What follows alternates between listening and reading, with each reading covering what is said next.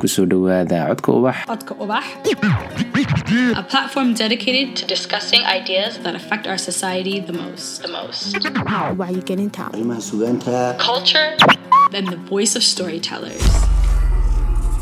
asalaamu calaykum ku soo dhowaada codka ubax. Caawa waxaa ila joogtaa huda cali banfas oo ka socota ururka heritage somalilan oo ay shaqadiisu tahay xanaaneynta daryeelka iyo badbaadada duurjoogta huda marka hore ku soo dhowa codka ubax aad iyo aad baad u mahadsantay ismaaciil. Eh, waxaa caawa sharafi ah inaan ka qayb galo eh, barnaamijka codka ubax oon muddo badan ku soo taxnaa eh, isagoo cod keliya ah. Laakiin hadda aan fursad u helay inaan ka mid noqdo dadka ugu horreeya isagoo muuqaalana ka qayb gelaya aad iyo baad umahadsan tahay anaguna aad baan ugu faraxsannahay inaad na soo boqoto caawa ood halkan nagula caweyso oo aynu ku sheekaysano oo kaga wada hadalno waxyaabo badan oo aan inta badan malaha laguguba aqoonba dadku waxay kugu barteen sawirka iyo inaad kamarada ku dagaal tagto. Oo aad dadka u soo gudbiso muuqaalo taariikhiya oo runtii taariikhda gala Mhm. laakiin caawa waxaad ka hadli doontaa keliya. kale Ah, oo taa totally ka duwan. Bal horta na fahansii duurjoogta iyo daryeelkeeda sidee baad uga shaqaysaan? Eh, aad baad u mahadsantay ismaaciil ow sida dadkeena eh, iyo nolosheenu dhaqankeenii hore soo ahaan jiray runtii marka la yidhaha xayawaan ee weliba la yidhaha duurjoog. Dadka maskaxdooda waxa ku soo dhacaya waraabaha iyo libaaxa iyo shabeelka eh, kuwa waaweyn baa maskaxdooda ku soo dhacaya. Kuwa yaryar baa ku soo dhici kara oo guduudanaha ariga dadka ka cuna eh, dadkeena reer baadiyaha ah ama eh, reer miyiga ah. Marka su'aasha isweydiinta le waxa weeye taariikhdeenii hore ahayd mid la eryado un xayawaanka waaweyn lagana baqdo dabcan da- dadku ay ka baqan jireen. Oo colaad mar walba ahaan jirtay taariikhaheena oo xitaa haddaad xasuusato sheekooyinkeenii caruurnimada dacwada diin iyo dacwo dacway dabkaaba diin iyo khiyaamooyinkii ay isu dhigi jireen. Marka waxay ahaan jirteen wax caruurtana lagaga baqadsiiyo dadka waaweynna ay runtii noloshooda ku ah khatar ku ahaan jiray maadaama ay deegaanku wada noolaayeen marka su'aasha iminka isweydiinta le dad badan isweydiiyeen waxaa ka mid ah bahalihii aynu garanaynay maxaa lagu danaynaya doorkan ee laga daraynaya ee loo badbaadinaya laga daryeelaya? Eh, xaqiiqatan waa isbeddel baa ka dhacay dunida.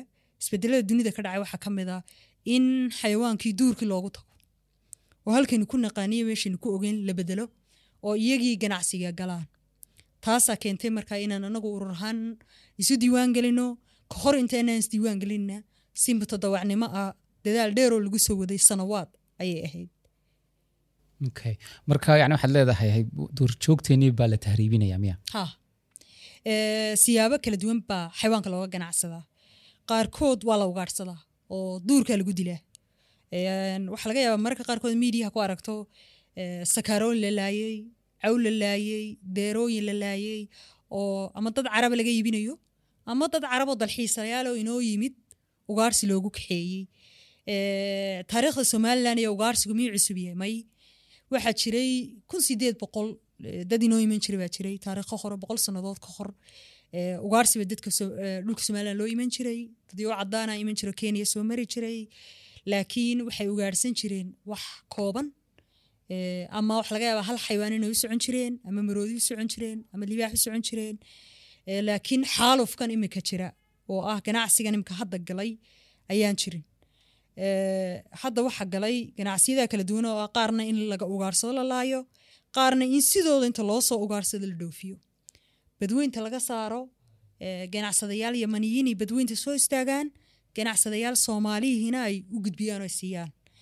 Marka waxay isweydiinta le deegaanada laga ugaarsadaa ma gudaha somalilan oo keliyaba ah may u ka fog yihiin waxaa la tagaa etoobiya deegaanka soomaalida la tagaa oo qaar baa ka soo gura khaasatan harimacadka oo ah ka ugu badan ee imika la hariibiyo ama sida sharci darrada looga ganacsado.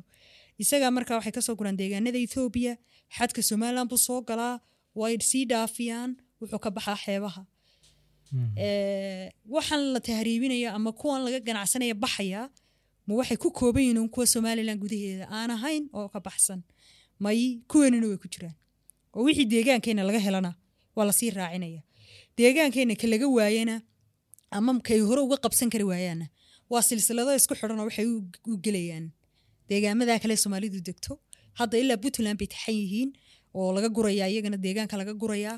Marka waa dhibaato ku cusub dhulka soomaalidu degto maadaama aynu ku naalno geeska afrika halka ugu koonaysa ama cidhifkii geeska afrika. Maxaa markaa soo kordhay oo loo xiiseynaya? Xaggeesi ay ku dambeynayaan markay xuduudda dhaafaan si fiican. Waxaa soo kordhay waxa weeyi eh, ganacsi baa galay. Wax kastoo ganacsigu koraana wuxuu ku shaqeeyaa eh, speed ka badan kii markii hore ay ku socday. Baalahan marka laga saaro dhulka soomaalidu degto. Aynu inagu weliba u badannahay somalilan u badanyay marka laga saaro. Waxay u gudbaan yeman yemanna waxa jooga niman ka sii gudbiya oo iyaguna gacan dhexa ah. Waxay u gudbaan berigii hore waxay xoog u gudbi jireen imaaraadka sacuudi arabiya iyo kuwait iyo cumaan.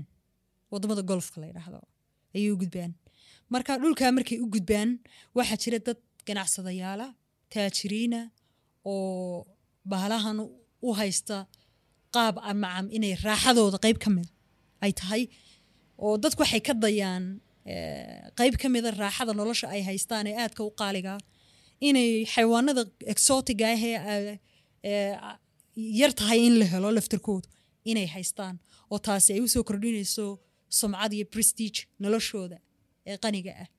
Marka taasaa keentay qoladaa qaniga ah ee ku raaxaysanaysa dalabka ay u qabaan ama dhimeendka ay u qabaan baa keentay in adeegayaal iyaga ka iibiyaa soo baxaan. Oo markaa deegaanadii dib u imanaya oo deegaanadii xaalafinaya. Marka harimacadku sidaasuu ugu batay. Oo wuxuu noqday mid ka mida kuwa imika dabar go'aya oo waxa la geliyey liiska xayawaanka dunida ka dabar go'aya. Marka idinka shaqadiina waa maxay? Annaga shaqadayda waxa weeyaan harimacadkoo keliya maaha. Laakiin annagu waxaanu ku bilownay dadaalkan annagu wadno hadda waxaa bilaabay amaba duurjoogta marka laga hadlayo somalilan say u dhan tahay oo dhan waxaa bilaabay nin jarmala oo gunter la yidhaahdo. Gunter wuxuu somalilan yimid 2001 eh, labadii kun iyo kowdii buu yimid. Muddo isagoo joogay dalka markaa toban sanadooda oo intaana ay ka shaqaynayay awdal ayaa wuxuu arkay magaalada boorame degan wuxuu arkay markaa silsiladan isaga u shaqaysu fahmay. Een, dadkeena soomaalidu kumay baraarugsanayn runtii xayawaanka weliba duurjooga iyo daryeelkooda iyo waxaa. Maadaama isagoo dunida inagaga yimid oo dunida jaarkeena ana uu ka warhayay dadaalada ka socday iyo santarada ay leeyihiin waqtigaasoo halkaa ka bilaabay awdal waxay ku bilaabeen harimacadday ku bilaabeen guduudanayaal bay qabteen. Marka waxaa waqtigaa isaga la shaqayn jiray dad reer boorame ah iyo waaxda deegaanka ee boorame. Marka xilligaa markay bilaabeen oo imika hadda noqonayso toban sannadood ka hor xilligaasay dadaalkan soo bilaabeen.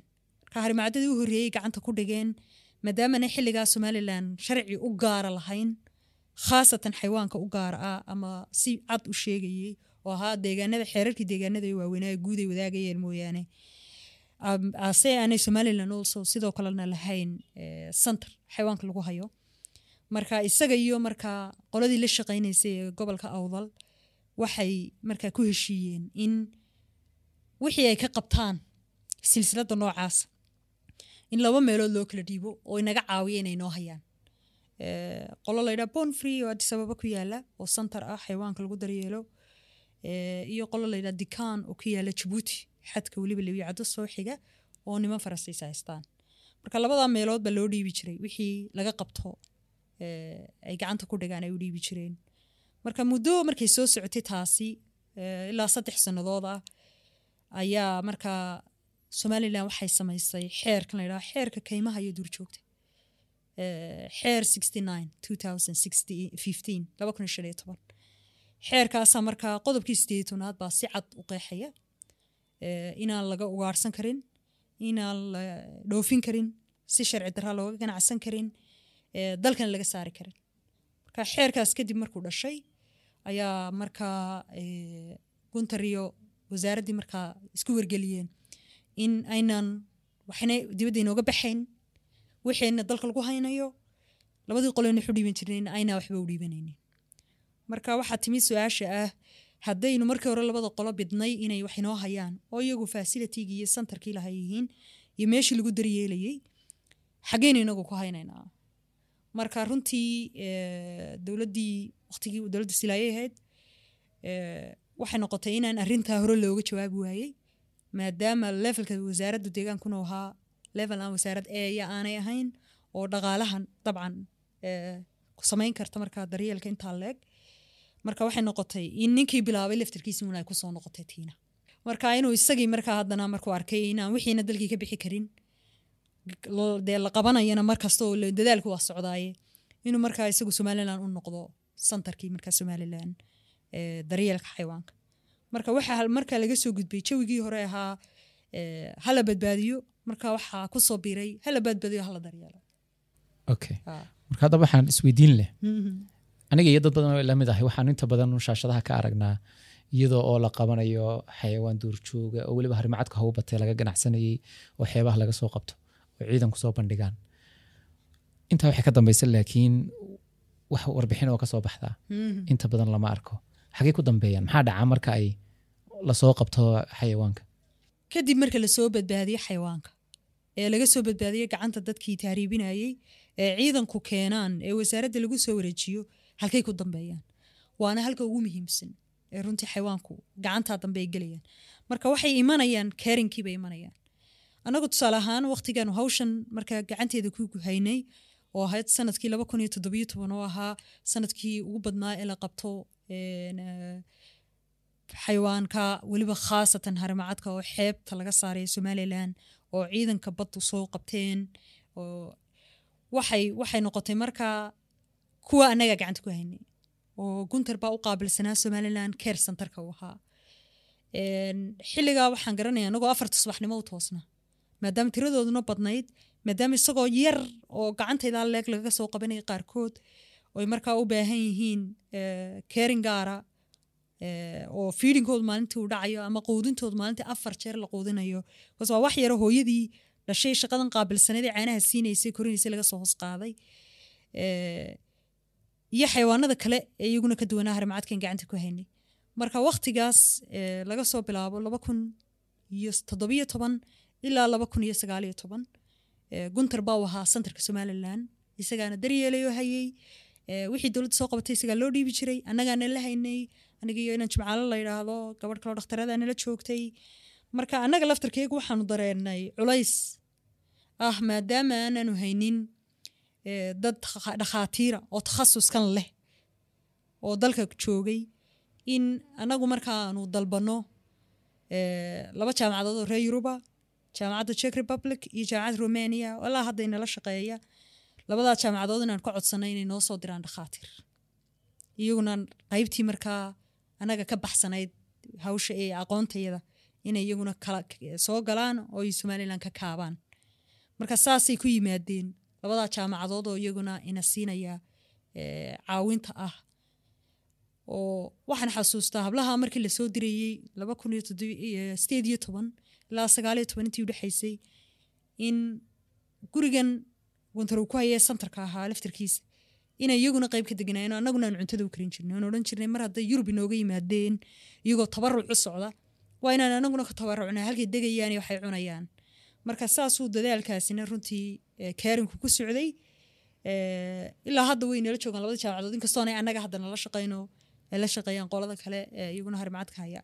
Huda waxaad sheegtay in markaa xarun laga sameeyey magaalada oo xarunta weliba ninkaas ajaanibka ahi isagu sameeyey. Xarunta nooga waran haa si fiican. Xaruntan waxaa jirta xarun kooban oo yar. Marka loo eego xarunta weyne debis. Marka xaruntan yar oo dhanna ka ah guriguu deganaa dhanna ka ah halkay degan yihiin oo santarka ah wuxuu ahaa santar loogu talagalay emergencyga ama xaaladaha degdega ah oo ah xayawaankan markan la soo qabtay inuu u baahan yahay meel degdega oo cunto lagu siiyo dawana lagu siiyo laguna hayo. Inta looga fakarayo eh, xerada xayawaanka uu tegayo. Marka xilligaa culayskii markaana qabsaday waxay ahayd hawshii markay soo bateen ee xayawaankii kolbe la soo badbaadinayo si soo kordhayaan in marka la isweydiiyo maadaama aynaan meel kala geynaynin oo xeerkeeni mamnuucayo inuu dalkii ka baxaan halkanna ay tahay un xaalad emergency ku sugida. Sidii loo aasaasi lahaa santar. Marka taasaa keentay in santarka debis la aasaaso. laba kun iyo toddobiyo toban shir la isugu yimid caalamiya oo ka dhacay wasaaradda deegaanka laftarkiisa lagu la- lagu falanqeeyey goobaha noqon kara halka ay somalilan u noqonayso santarka u noqon kara. Marka dhowr goobood baa la soo geedeble ku jiray laakiin markii dambe waxaa la isla qaatay deegaanka debis oo u jira toddobaatan kilomitir magaalada hargeysa oo xilligii hore dowladda siyaad barana ahaa xerada dhirta lagu tarmiyo dhul dowladeedna ahaa intaa looga faa'iideeyo. Marka tiiban aniga iyo ku bilownay fundkan ku bilownay runtii centerka in lagu bilaabana wuxuu ahaa g ised maadaama hayadda g ised isagu mashruuca sustainable land management. Uu maamulo ka ahaa manager ahaa inaan tii markaa ku xidhno shaqadii deegaankii aan wadnay oo markaa dadaalkii uu noqdo dadaal aan haddana funding u raadinay oo hay'addii uga samaynay in centerka la dhiso. Marka isagoo centerkuna dhinac ka socda oo xeryihii la dhisayey xayndaabkii guud loo xidhayey loo sameynayay markaa deegaankii dee durjoogku ku noolaan lahaa oo aanu geynay wixii ay u baahnaan talaagadii hilibka loogu keydinayey meeshii farmasiiga looga dhigayey halkii dadku seexan lahaa solartii laga dhalinlayay laydhka marka dadaalka aanu halkaana ka wadnay waxaa garab socday dadaalkan ah soo qabashada iyo xiriirkanu ciidanka la leenahay. Marka taasaa keentay marka in laysdhinac wado. Halka loogu talagalay mustaqbalka inay ku noolaadaan keliya maaha xayawaankan laga soo qabanayo silsiladan ganacsiga ee xayawaanka kale ee laftirkiisu u baahan yahay in la daryeelo. Xayawaanada kale waxaa jira dadkeenu xayawaanka u daran yihiin. Waxaa jira gorgoro la dhaawacay baa jira. Meelaha qaar inta laysiri ha la daboolo ha la xidho garbihii ka jabeen oonu hayno. Waxaa jira xayawaan kale oo aan iyagu harimacad ahayn oo iyaga laftirkoodan ka qabanay ganacsiga sida guduudinayaasha deerooyinka cawsha goodirka. Marka kuwa kale laftirkooda waxay noqotay inaan magaalada lagu hayn karin in deegaanka iyo santarka loo sameeyo santarkan aanu sidaa ku taageeraynay oo aanu lacagta halkaa uga sameynaynay marka laba jeerba aanu deegaanka iyo wasaaradda deegaanka la shaqaynaynay. Maraanu dadaalkan gaarka ah ee naftii ah ee wax lagu soo badbaadinaya iyo daryaalka xayawaanka kala shaqaynaynay iyo mar aanu g isar ahaan kula shaqaynaynay oo ah markan aanu dadaaladan kala bixinaynay oo ah dadaaladii kala duwanaa wasaaradda gaadhsiinay heshiisyo lacageed oo ilaa afar boqol kun oo dollar ahaabaa jira. Oo wasaaradda deegaanku dab isku horumarinaysay. Markaan anagu tii hore aasaaskii hore wixii ku xigay waxaad inaan wasaaradda doorka siino ama roolka siino inay wasaaradduna iyaduna laftirkeedu howlgal ka fuliso debis lagu horumarinayo. Dadaalada laftirkooda waxaa keenay marka inaan ku aasaasno ciidanka deegaan ilaaliyaasha ah oo markii koobaad ee taariikhda somalilan yeeshay dirays iyaga gaara oo runtii waxyaalahaanu aadka ugu faanno anagu kamida somalilan ay tahay runtii inay aada ugu faanto. Waayo deegaan ilaaliyaha dhibkii markii hore haysatay waxay ahayd waxay isqabsan jireen dadka deegaamada ay ka shaqaynayaan. Oo qofku markaanu dirays lahayn lama ogaan karo inuu qof caadiyo kaa eryeeye yahay seerahaad xidayso geedkaad jarayso xayawaanka geedka ku jiraad gubayso duurjoogga aad eryanayso waxaasoo dhan qofka deegaanka ilaalinaya wasaaradda u jooga dhulka somalilan ee ballaaraneed aragtay ee kala duwan markii hore lama aqoonin. Waayo wax lagu garta muu jirin. Laakiin waxaan uu samaynay dirays iyo haybad lagu garto oo shaqadooda ku fuliyaan. Alxamdulilahna maanta markastoon arka bariga somalilan iyagoo dirayskii xidhan oo howlaha dhuxulaysigii waxaa ka dagaalamaya runtii anaga dhiirigelina noo ah. Dadaal runtii guntar iyo g isar ay samaysay iyo anaguna aanu la riixnay ka mid ahayd waayo xasuusta aniga guntar si gaara inaan dirayska u dhisan garaynay labadayadu marka taasaa runtii horumar aan odhan kara la taaban karay ahayd oo wasaaradda aanu gaadhsiinaynay marka laga tago xayawaankan iyo dadaalkan kale wuxuba deegaanka isla wada noqonayaan. Marka waxaa dhacday laba kun sideed iyo toban in ciidanka baddu soo badbaadiyeen sideed harimacad iyadoo weliba sarkaalkii ciidanka badda haystay ay ku baayaceen nimankii tugadaha xayawaanka sida inuu laba kun siiyaan laba kun oo dollar ay siiyaan iyagoo baddaba taagan si uu ugu sii daayo kuway siteen markuu qabtay marka yemanigii laftirkiisa qaadanayay baa badda taagnaaba cirifka usukay badda taagnaa doon dheeraysa watay oo xitaa ciidanka laftirkoodu eryadeen walow ay markaa doontii watay speed force powerkay wada ijiinkoodu lahaa iyo kiisu kala yaraayana uu soo qaban kari waayey markii dambe eenu la kulannay sarkaalkii taa sameeyey oo runtii shaqo aada u wanaagsan ahayd somalilandna lagu ammaanay oo dunida looga soo diray hambalyooyin. Doorka ay ciidanka badda ee somalilan ka qaateen arrinkaa waxay noqotay markaa inaan ka tashano anagu markaa inteedii gaarka ahayd in keliya shahaada sharaf siine aanu siino wax u qalmaa runtii dadaalkooda. Marka taa laftirkeedaanu ciidanka ka taageernay muxuu ahaa support ama caawin khuseysay markaa hawlaha ay qabanayeen saddex jino waaweyn telefoonada turayooyinka kamarado iyo adeegyo yaroo kale oo ay ku shaqaynayaan marka operationskooda ka caawinaya daily maalinlaha ah marka taasoo runtii keentay inaanu soddon kun oo dollar uga samayno g isad ciidamada badda oo la dagaalamaya dembiyada ka dhaca badda ka dhaca iyadoo waxaasoo dhan jiraan ayaa hadda waxa dhacday dadaal kasta dee dad baa bilaaba dad baana ku dhinta oo runtii u dadaalo oo shaqeeya. Marka halkaa markay maraysay ciidankii baddu soo qabteen nimankii maxkamadiina xukuntay ay nagu soo wareegeen annagaiyo markaa keerinkiina samaynayna halkay centerkii iyo halkay tegi lahayna u dhisayna silsiladaa isku xidhan baa soo jiidatay dadyow badan oo adduunka ka mid ah. Oo iyaguna markaa daneeyey inay ku soo xidhmaan somalilan waxaa ka mid ah hay'adda c c f oo imika joogta oo wakhtigaa annaga hawadun aanu iskala soconay mar markaa naga taageeray harimacadko keliya inay dhahdaan hilibkaanu ka bixina maadaama iyagu yihiin hay'ad ku takhasustay harimacadka marka c c f baa iyaguna daneeyey inay yimaadaan laba kun iyo sagaal iyo toban oo dalka soo degaan. Waxaa yimid qolo kaleo ingiriis oo aspinal laydhaa oo iyaguna soo degay. Huda laakiin marka ay haydo dee caalami idiin imanayaan miyaanay iyaga laftooda maxaa ugu jira? Maxay ka faa'iidayaan? Si fiican c c f oo kale markay imanayeen laba kun iyo sagaal iyo toban bay soo degeen. Xilligaas oo runtii qolooyin kale oo ingiriis iyaguna danaynayen hawshan u yimaadeen.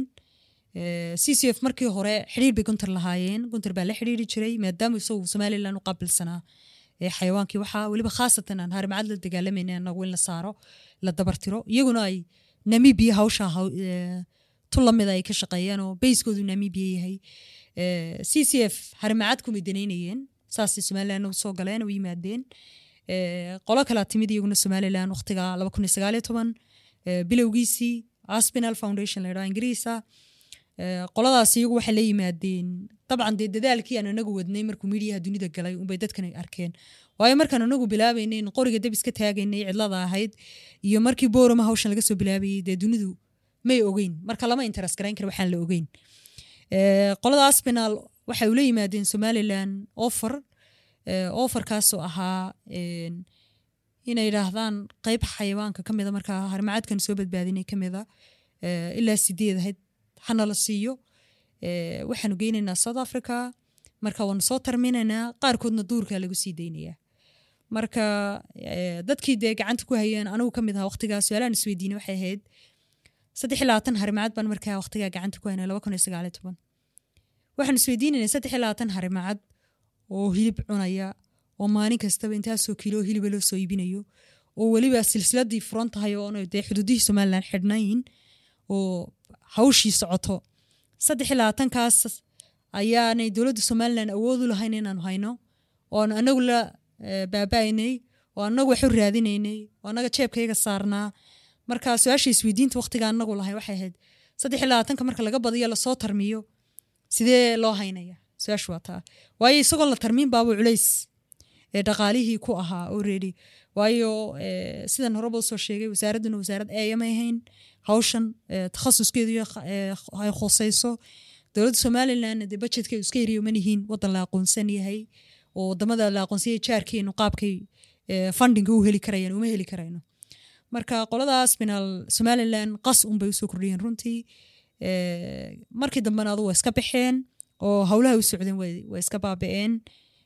Taasi runtii xitaa markii dambe waxay kaliftay inuu gunter oo dalka somalilan waxaan budhigu ahaa dadaalkiisi ilaa inta ahaa. Dowladda somalilan shacabka somalilan iyo qof kastaoo reer somalilan ka mudnaa runtii in la garab galo oo hawsha lala galo. In dad markaa aan jeclay inaan kaga waramo si kale qoraallo kale oo aan soo gudbinayo in ay ka dambeeyeen in si khaldan dalka looga saaro. Tiina ay dhabarjab markaa ku noqotay dadaaladii socday annagana runtii ay dhabarjab nagu noqotay. Waayo iyadoo maxkamad ciidamadii shaqaynayaan oo la soo qabanaya dadkii dadka la soo qabtaaba haba tira yaraadaan laakiin dee dacwadooyin ciidanka booliiskuna uu qabanayo kontaroolada ciidanka badda uu shaqaynayo soo qabanayo maxkamadii la horkeenay maxkamadii xukuntay tiraba laba jeer ay xukuntay oo kiisaska harimacadka kiiska dhacdada libaaxyada yaryaraa maxkamaddu ay xukuntay oo dadkii nidaamkii cadaaladdan la marinayey annaguna aanu keerinkii diyaar laahayn labadii jaamacadoodaan soo xidhnay yurubiyanka ahana ay bixinayeen dadaalkii ahaa iyaguna caafimaadka inay naga caawiyaan. C c f harimacadka ay naga bixinaysay hilibka wixii kalena uu guntur jeebkiisa ka bixinaya xayawaankii kale oo dhan ood mooday dadaalku halkii ugu sarreysay inuu gaadhay. Muddo yaroo koobanoo dad badanoo daloo kalena aanu kula shaqaynaynay oo naga go-naa dadaalkani runtii in wixiiba ay dib u laabeen. Ood moodo in laba kun iyo koob iyo toban dib loogu noqday. C c f ay somalilan soo degtay kuwan anagu haynay ee la wareegtay dhowr iyo soddon harimacad baan gacanta ku haynay ay la wareegtay oo marka iyagana u fududaatay hawl laga soo shaqeeyey inay gacanta ayar ku dhigaan anaguna markaa intii xeradayadii ku jirtay ee santarkayga joogtay aan markaa anaga ay culayska weliba khaasatan aniga igu dhaco oy markaa noqoto mas'uuliyad aanan isu diyaarin inaan dowladdu fursad noo siinin markaa ninkii maamulayna hore loo saaro anigina aan fursad lay siinin wixii aan markaa dee u diyaar garoobo hayntoodii iyo maamulkoodii taas waxay qaadatay muddo laba sannadoodoo isjiidjiida runtii dheer oon jeclay inaan qoraallo kale kaga waramo ayay qaadatay. Marka halka haddaan dul istaago buugna waad soo wadaa dabcan oo halkaasaad faahfaahinta ku qori doontaa. Laakiin balse aan fahano calashaan damacii ingiriiska ahaa ee yimid ee doonayay harmacadyada.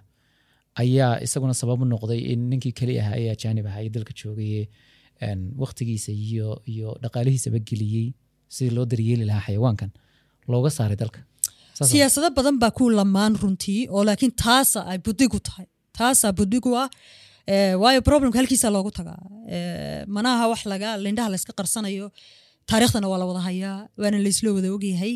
Taasaa budigu ahayd rajada qolada dowladda somalilan iyo dadkii siyaasiyiintii gaarka ahaa qoladaa watay la shaqaynayay ay ka lahaayeena waxay ahayd in qoladaasina operationkaas u fulo iyagana uu fuli waayey. Dhibaatooyin kale oo jiray awgood ka mid a oo xayawaanada qaarkood harmacadka laftarkiisa qaarkooda xanuunsanayey oo xanuun baa jira iyagana ku dhaca sida coronaviruska dadka biniaadamka ugu dhaco iyagana waxaa jira coronavirus kale oo iyaga ku dhaco f i b layidhaa kaa laftarkiisaa jiray f i b gaasaa jiray oo dee xayawaanka qayr qaab ka mida ku dhacay. Marka qolada ingiriiska laftarkoodu interestkii dantay kala haayeen somalilan bay ka dhex waayeen saasay iyaguna isaga baxeen markii dambe iyagoo budigu ahaa qaska dhacay markii hore oo dhibka dhacay waxay ahayd harimacadku hadday c c f la geeyo sida imikaba loo geeyo? Dee annagu waxaan haynay wixii aan xitaa harimacad ahayn ee kale. Guduudanihii baanu haynay goodirkaa nala joogay garanuugtaa nala joogtay gorgorkaa nala joogay. Marka waxay ahayd wixii kale xayawaankii kale oonay c c f somalilan u hayn karin inaan anagu haynay. Oo danta xayawaankuna dabcan ay ku jirtay. Annaguna labadaas sannadood ee guntar uu dalka ka maqnaa ilaa maalinkuu bilaabay ilaa maanta uu soo noqday intaba jeebkiisay ku noolyihin xayawaanka gurigiisa ku jira iyo xayawaanka gacantayda ku jira. Dowladda somalilan waxay la wareegtay debis oo deegaankan ka shaqaynaynen anagu budigiisa lahayn. Guntar markii la saaray. Dabcan waayo xayawaan baa dhex joogay oo u baahdaa mas'uuliyadda inay dowladdu la wareegto. Sidaasay debisna gacanta dowladda ku gashay. Intii debis ka horreysay waktigaana anagaa gacanta ku haynay wiig walba tegi jirnay dhismaheedana qayb ka ahayn wadnayna ilaa haddana debis laftarkeedu waxay u baahan tahay horumar. Kii hore ka weyn maadaama xayawaanka anaga nala jooga deegaanka debis u baahan yihiin. Oo deegaan kaga ka ballaaran halkan maanta anagu ku hayno. Deegaan ahna mustaqbalkii aanu iyaga u dhisaynay runtii. Marka xaaladda debis waa sidee marka? Ma tahay xarun noocaas oo imika lagu halayn karo ama la geyn karo? Xayawaankan imika aynu arkaynaye xaruntan hargeysa. Waqti xaadirkan annaga go'aankan hor yaalay wuxuu ahaa guntarna uu soo noqday jeebkiisa isaga fangaranaya ilaa imika. In sidii ay markii hore wax u socdeen iyo dariiqa wax u socdeen lagu soo noqdo maadaama dariiqii markii hore wax u socdeen dan uu ahaa xayawaanka noloshooda iyo badbaadadooda. Dan u ahaa xaaladda debis waqti xaadirkan lagu jiro dowladda somalilan baa maamusha. Daryeel ay ku sameeyeen. Intaan anagu ka maqnayna gaabka labadii sannadood dayactir wixii ay u baahnaayeen xeryaha haddii laga bedelayey qoryihii ay ahaayeen ay ku joogeen.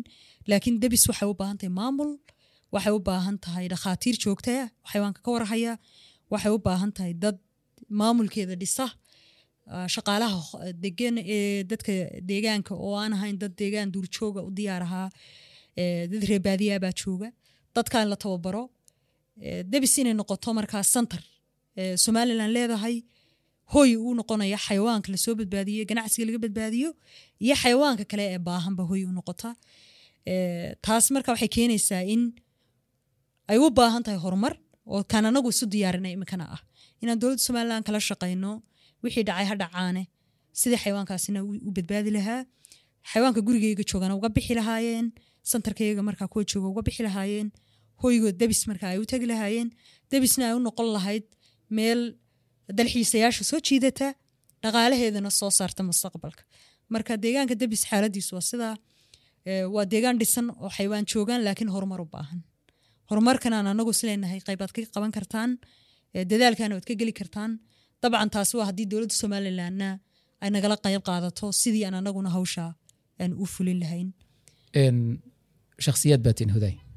Markaad u badan tihiin urur baa tihiin oo waxaad tihiin heritage somaliland awooddiinu si kastaba dee aad u fircoonaataane haddana way gaaban tahay. Mm, oo dee awood xataa ma lihidiin dowladeed si fiican. Marka aad dowladda somalilan leedahayna waxaad dabcan dowladdii somalilan uga mas'uula oo loo igmaday wasaarad la yidhahda wasaaradda deegaanka. Mm.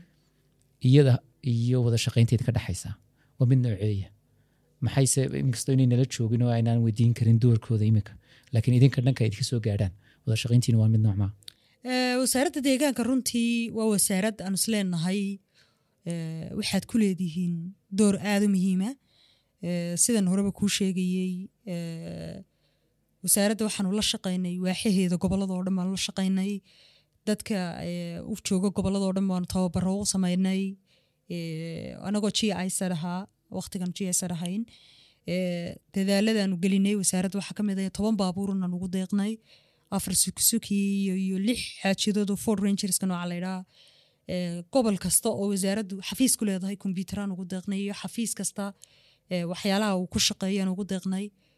Deegaan ilaaliyaashan kuu sheegay uniformnaan u samaynay.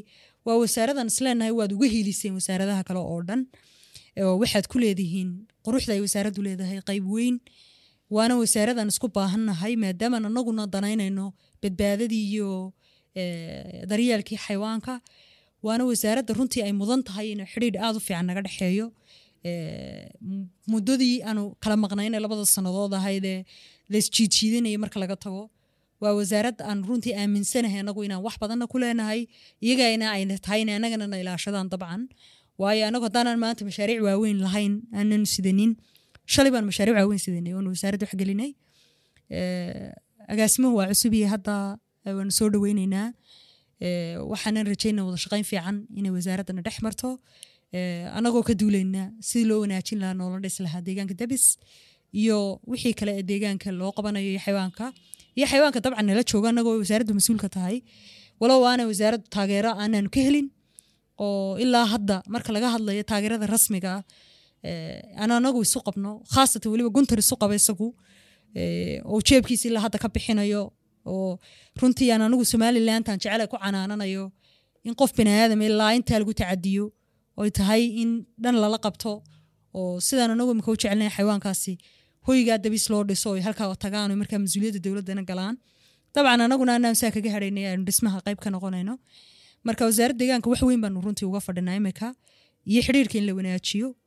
Waxaanan jecelahay dadka reer somalilan inaan u qeexo eh, xayawaanka wasaaradda deegaanka gacanteeda ku jira waqti xaadirkan waa inta debis joogta waa deerooyinka iyo cawsha iyo goodirkan geynay ee debis jooga waqti xaadirkan xayawaanka anagu aan gacanta ku hayna santarkayga ku jira anagaa ka mas'uula waxay cunaan iyo gurigay ku jiraan kiradiisa iyo cidda ka shaqaysa wixii ku baxa kuwa kale ee harimacadka ee faraha badan lixdan iyo dheeraadka hadda noqday iminka kadib markii in badan la soo badbaadiyey waxaa gacanta ku haysa hay'adda c c f oo dunida oo dhan donationka ururisa. Marka shacabka reer somaliland waxaan jecel inay fahmaan horta marka ugu horeysa dadaalada socda dadka ka shaqaynaya iyo waxa la qaabilsan yahay iyo waxa dowladda somaliland bixiso dabcan oo ah deegaanka dabis xayawaanka ku jira oo deerada iyo cawsha ah wixii ku baxa biyaha iyo garowga iyo waxaas dowladda somaliland bixisa. Laakiin dowladda somaliland kharash imika kaga baxa xayawaanka duurjoogga hilibka cunaa ma jiro. Marka ay laga yimaado dowrka wasaaradda ee, deegaanka.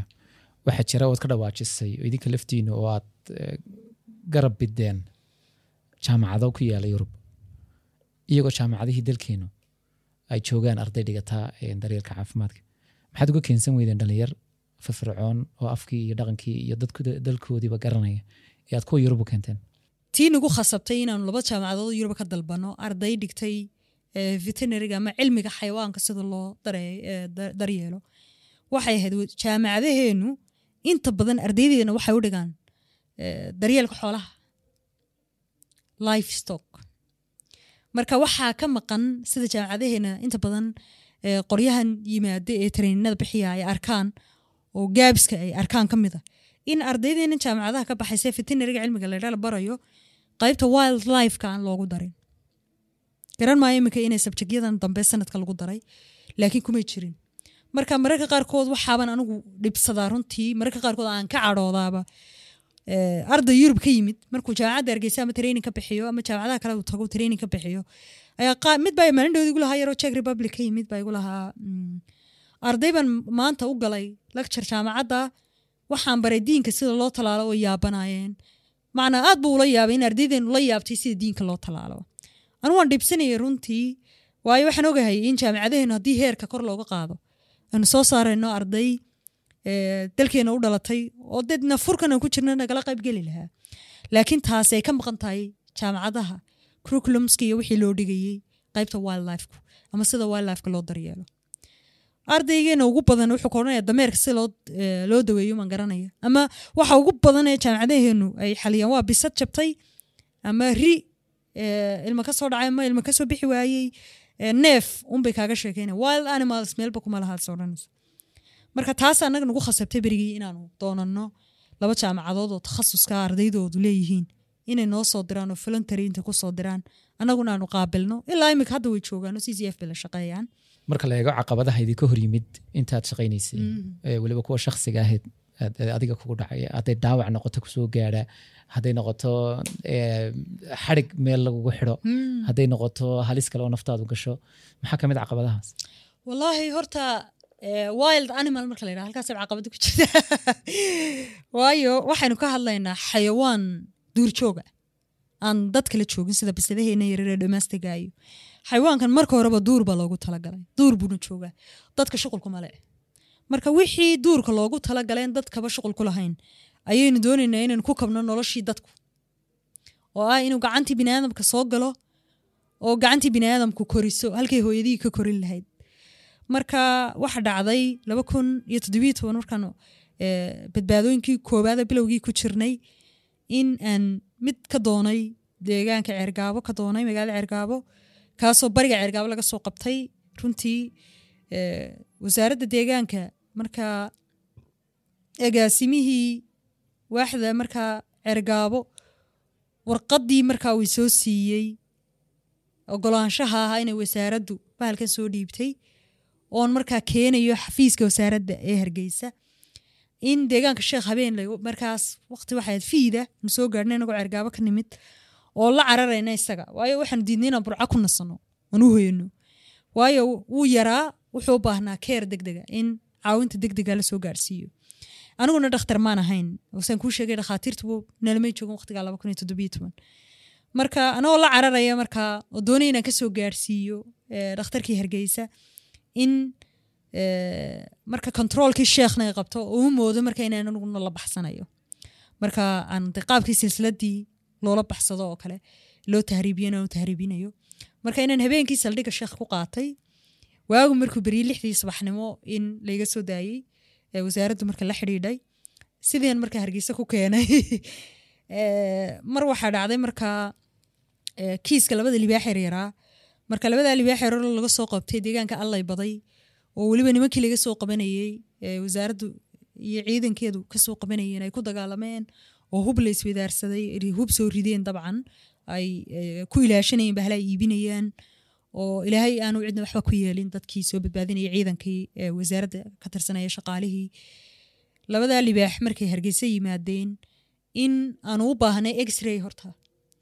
Marka sidaan kuu sheegayo farmasi weyn nimeena lahayn iminka facility badan baa dabcan dee laga bartay dadaalkan oo la keenay. Marka in aanu dhakhtarka aadna geynay xabad yaroo libaaxaad adugu sidato sawiro oo x-rayga aadna oo dadka loogu talagalay aad geynayso oo dadka dhakhtarka jooga oo dhan ay yaaban yihiin la yaaban yihiin marka koobaadee maxay ku falayaan xayawaanka noocana? Iyo maxaa eh, sabab ma libaax loo keeni karaa x-ray? Waayo dadkeenu ma moodaan xayawaanku inay sida biniaadamka laftarkiisa nafi ku jirto. Oo ay u baahan yihiin waxa biniaadamka u baahan yahay oo kale. Eh, dhacdo iyaduna yaab lahayd waxay ahayd labadaa libaax oo kale. Markii la keenay qofkii lagu eedeynayey maxkamadda. In ay maxkamaddii dalbatay in labadii libaax loo keena caddayn. Bal aduu laba libaaxoo yaryar soo qaado oo gaari ku soo rid oo gaarigana bacadka maantana intay dacwaddii socoto ha taagnaadaan. Oo markaa dee kuma dhex jiri kara shabagii yaraa. Aad kursiga marna hoos u gelayo marna oo dadkii maxkamadda joogay oo dhan lagu yidhi libaax baa jooga oo nin lagu soo qabtay. Oo dadkii maxkamadda joogay oo dhanna intay soo gaarigii ay koonaha saa iskaga soo xeereen oo iyagu kuleyl kale nagu soo kordhiyeen kuleyl ka badan kii cadceedda. Laba jeer waxaa dhacday inaan harimacadkaanu geynay maxkamadda laftarkoodaan geynay marka waxyaalaha challengeka waxaa ka mid ah in maxkamadda laftarkeedii wild animal la keenayo aadna u dhib badan oo ka wacnaan lahayd mararka dambe runtii maxkamaddu in iyadu maxkamaddu cid u soo dirto maxkamadda ka mid a marka centerka halka lagu hayo un lagu eegi karo. Laakiin inaan wild animal maxkamad la geyn karin runtii. Waxaa kaloo iyaduna jirtay dhaawac mar iga soo gaadhay laba harimacad oo niman chinisa eh, mid ka mida wasiiradii hore somalilan uu siiyey hadiyad ahaan u siiyey business dhex maray dartii. Eh, isagoo dabcan og eh, hawshan dadaalada lagaga jiray iyo siday tahay. Labadii harimacada yaryaraa markaa aanu siniri qoladii chiniiska aha ka soo qaada. Marka anagoo markaa ku ridayna saxaarad inuu markaa midiila tiigsaday lugihiisa dambe ciddida ku taala. Halkaasoo kulsaa igaga dhuftay gacanta marka waxa dhacday inaan xoog ii da- ii damaqday waayo saas dhiib si too hoos buu geliyey kadibna aan saa isaga dhuftay kadib aan xaraynay habeenkii markaa garaacii igu bilowday shan habeen inay gacantu garaacaysay ay gacantu aad saaxid ay ii weynaatay barartay marka igu dhacday inaan anigu shakiyo oon is iraahdo eh, sida ayadu markii qofka qaninto oo kale aan is iraahdo mala waxaad u baahantay dawadii rabeska la mudo marka dhakhtarkan tegay marka waxay ii sheegeen bararkuna inuu iga dhacayo dabcan waxaan kacsana ay tahay bakteriyada jidhkeenu sameeyo. Marka wax kale oo dheeraadii dibadda ka soo galo. Runtii waxaad muuqatay inaad la dagaalamaysaan fahan dhan marka laga tago inaad eh, xayawaan dee noole ah aad baadinaysaan ood xanaanaynaysaan waxa kaloo aad la dagaalamaysaan waa fahan ummadeed En, imika oo kale muuqaaladaynu arkaynay waxa weeyaan waa harimacad dee silsilad ku xidhan silig. Meel yaroo kooban ku ha. shabaga eh, aan orodkii samayn karaynin dee ilaahay u abuuray inay cararaan eh, meeshii cidhiri ku tahay. Intaasina ay ay naruuraba u tahay oo iyagu aanay haysanin oo hadday bannaanka u soo baxaan. Dee aanay bannaankiina isku bixin karaynin oo aanay duurjoog ahayn imika maadaama ay Ah, halkan ku koreen ay ah. garanaysaa Ah, ama haddii kalena gacan kale intay galaan wadanka laga dhoofinayo oo cid kale qaadanayso marka fahan umadeed baad la dagaalamaysaa marka laga tago dadaalkiina kale. Tusaale ahaan dad madaxa baad la dagaalamayseen nin dee wasiiro oo bixiyey laba harimacad baad sidaad iminka sheegtay ayaa de ciddii uu siiyaad ka soo qaadayseen. En, wasaaradda lafteedii baa fahan waa dhexdiina dhacay oo aad faahfaahinta aad aad buggaaga dambe aad kaga sheekeyn doontaa ee soo socda. Waxaa jira haddana mid bulsheed oo shacabka laftiisu aanay fahansanayn oo ah dhanka dhaqashada duurjoogta hadday noqoto kuwa hudheelada jooga deerooyin iyo cawl iyo qaarkood harimaca libaax iyo intuba way jiraan hudheelada jooga. Dad waxaa jira sh- shiciba oo harimacadka u haystaba in laga dhigan karo dabjoog xayawaanka dabjoogta sida bisadoo kale iyo loo haysan karo loo karsan karo. Si- sidee dadka fikirkooda uga bedeshaan wallaahi horta wacyigelin ballaaran baanu samaynay anagu ilaa haddadan aan anu ka sameeyaa facebookeygaan ka sameeyaa dadkeena waxyaalaha ugu adag waxa weye waxaanay dhaqan u lahaan jira markaad u sheegayso. Way ku adkaataa waqti ku qaadataa. Eh, mararka qaarkood baa waxa dhacda markaan anigu ka hadlayo social media ama baraha bulshada soo dhigo war waxa hala badbaadiyo halkooda haloo daayo duurka haloo daayo qaar baa ku odhanaya dadkii baa dhimanaya maxaad xayawaankaad ka hadlaysa? Waa maxay? Dadkii baa baahana waa maxay xayawaanka waxa loo qabanaya? Marka mararka qaarkood waxay isweydiinaysaa ilaahay mala yacni waxa uu abuuray ma jirto. Wax kastaa duqsigana ha ku ahado shaquu haya wax kastana ilaahay shaqu ugu talagalo uu adduunkan u qaabilsan yahay. Marka mararka qaarkood sidaad sheegaysa fahamka bulshadu aad u adag ayaa keenaya in wixii badbaadadiisuna sii adkaato runtii waata keentay in nimanka laftirkooda tahriibinaya marka duurkii ka soo qabtay uun gaarigii doontii ma agtaagna waa dareemi karaysaa deegaankan kuu sheegay ilaa taxan soomaaliya etoobiya taxan ilaa inaga ilaa halkuu xeebaheena ka gelinayo waa dareemi karaysaa marka intaa u dhaxayso oo dhanba way marinayaan. Marka ma odran karayo dadka intaasoo dhan u dhaxeeya ay marayaan. Mid kasta lacag bay siinayo ku aamusiinay ma odhan karno. Ee waxaan odhan karnaa dadkaan u haysan inuu waxani muhiim yahay. Ayaan u haysan saasay wax badan inooga baxeen. Iminkoo kale sannadkii marka laysku geegeyo waxa la dhaha saddex boqol harmacad baa baxa. Intayna dhaafta ka mid ah. Qoraallo kalea jiro oo odhanaya toddoba kun in leeg baa ku hadhay ama toddoba kun unbaa ku hadhay waalka. Inkastoon anigu taa ka soo horjeedo oo markaan eego intaan imika badbaadinay waxaan aaminsanaya tiradaa dadka internationalka isku leeyihiin toddoba kun baa ku hadhay dunida inay ka badan yahay tiradu ka badan tahay. Waayo ma jirto si sax oo loo diiwaangeliyey harmacadada ku sii hadhay deegaanada soomaalida khaasatan. Waayo dhulka soomaalida dhulal badan oo la gaari baa jira. Marka runtii way adag tahay fikirka noocaas waxaana ugu adkayd in dadkeena ka dhaadhicin kari weynay iyadoo wasiir sawir uu ku galay uu soo dhigayo facebook inaad qof yar ku tidhaahda aadna soo dhiib. Marka mararka qaarka waxaynu odhan jira kuwan waaweyn waad ka baqanaysaan. Anagaad naga doonaysaan. Waana se waag tahay dee. Marka wax sharcigu waa inuu adkaado oo wasiirkana qabto qofka yara miskiinkana uu qabto. Marka runtii anagu waanu dadaalaynay oo waxaan islahayn ilaa gobollada dadaalka waad gaarsiiseen ilaa haddana dadaalada kala duwan amaan anagu samayn ama dadkan kale ee ku jira hadda ha sameeyaane. Dadaalo badan way jiraanoo wax lagu gaarsiinayo. Muhiimaddu waxa weeyaan dadka magaalada jooga haddaad dadaal kasta gaarsiiso. Iyagoo magaaladii bay joogaan duurkii ma joogaan. Marka waxaa muhiima dadka duurka jooga ee agtooda laga soo qaadanayo inay wacyigelinta ugu badani gaadho.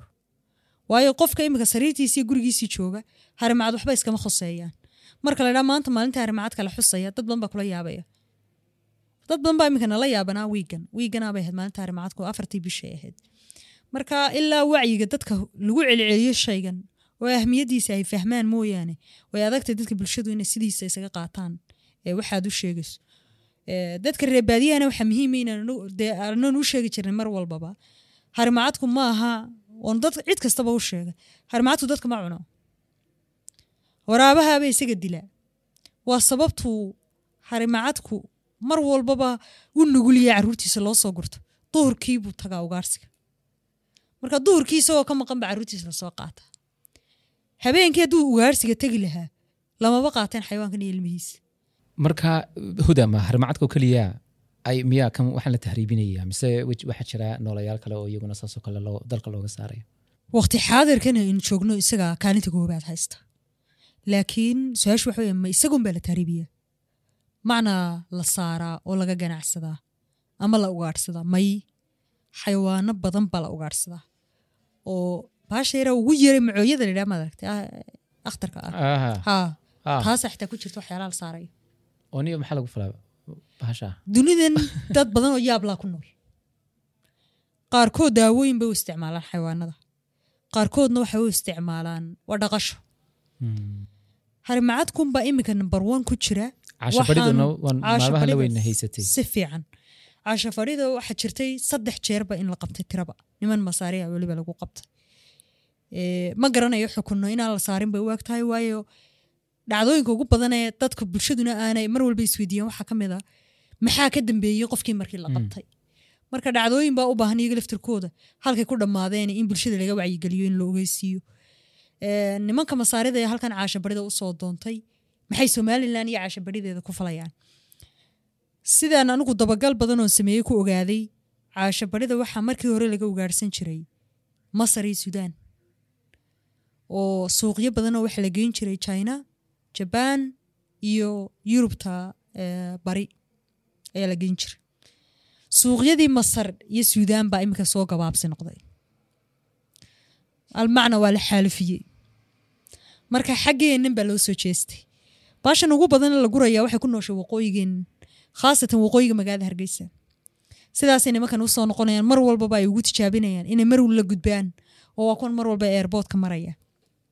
Marka maalinba xaywaan baa gelaya kaalinta baahida dunidu u qabto. Marka maalinba mid baa laynoo soo doonanaya.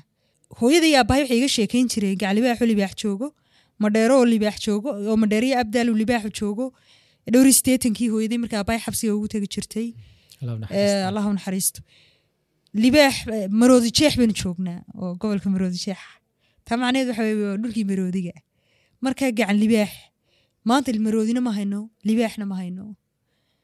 Harimacadun baynu haynaa. Marka taa aanu ka baqa qabnaa waxa weeyaan caruurtada iyo kuwaygu inay beritoola maqlaan un sheekooyin harimacad laakiin ay harimacad arki waayaan gorgorka laftiisu waa sii dabargo isaga laftarkiisuu sii dabargo-ay laakiin laakiin laguma jabnaayo kale dabcan laguma baraarugsana marka waxaa u baahan wacyigelinta in la ballaariyo oo dadkeena casharo badan looga sheekayo xayawaanka ah kuwa inaga dhammaanaya mar walba dadka waxaan ka maqnaa xayawaan baa jira siiga lo odhan jira ma jira iminka waxaa soomaalidu caan ku ahayd soomaali waa aaska la idhahdo ee gumburiga waynaga dabar go'ay had waxa laga yaaba haddii mid la in la soo helo deegaanada somalilan ama aan laba soo helin waa layna dhameeyey.